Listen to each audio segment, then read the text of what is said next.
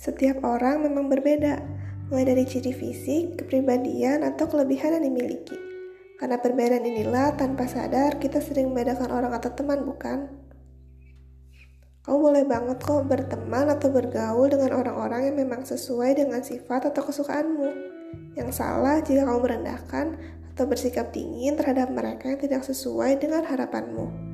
Hei, ingat loh, kita sama-sama manusia, kita sama-sama ingin bahagia, kita sama-sama punya impian, kita sama-sama punya mimpi.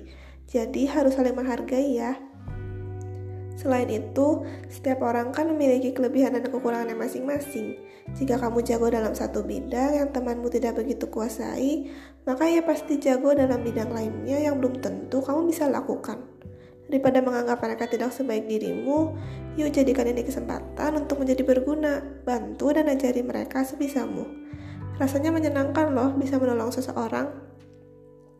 Terakhir, aku punya satu prinsip yang aku mau kamu ingat. Perlakukan seseorang seperti kamu ingin diperlakukan. Sebelum kamu mengatakan atau melakukan sesuatu, coba pikirkan bagaimana rasanya jika kamulah yang menerima perkataan atau perlakuan itu. Jika bisa menyakiti mereka, pastinya jangan dilakukan ya. Dengan prinsip ini, kuharap kamu jadi bisa lebih peka terhadap perasaan orang-orang di sekitarmu.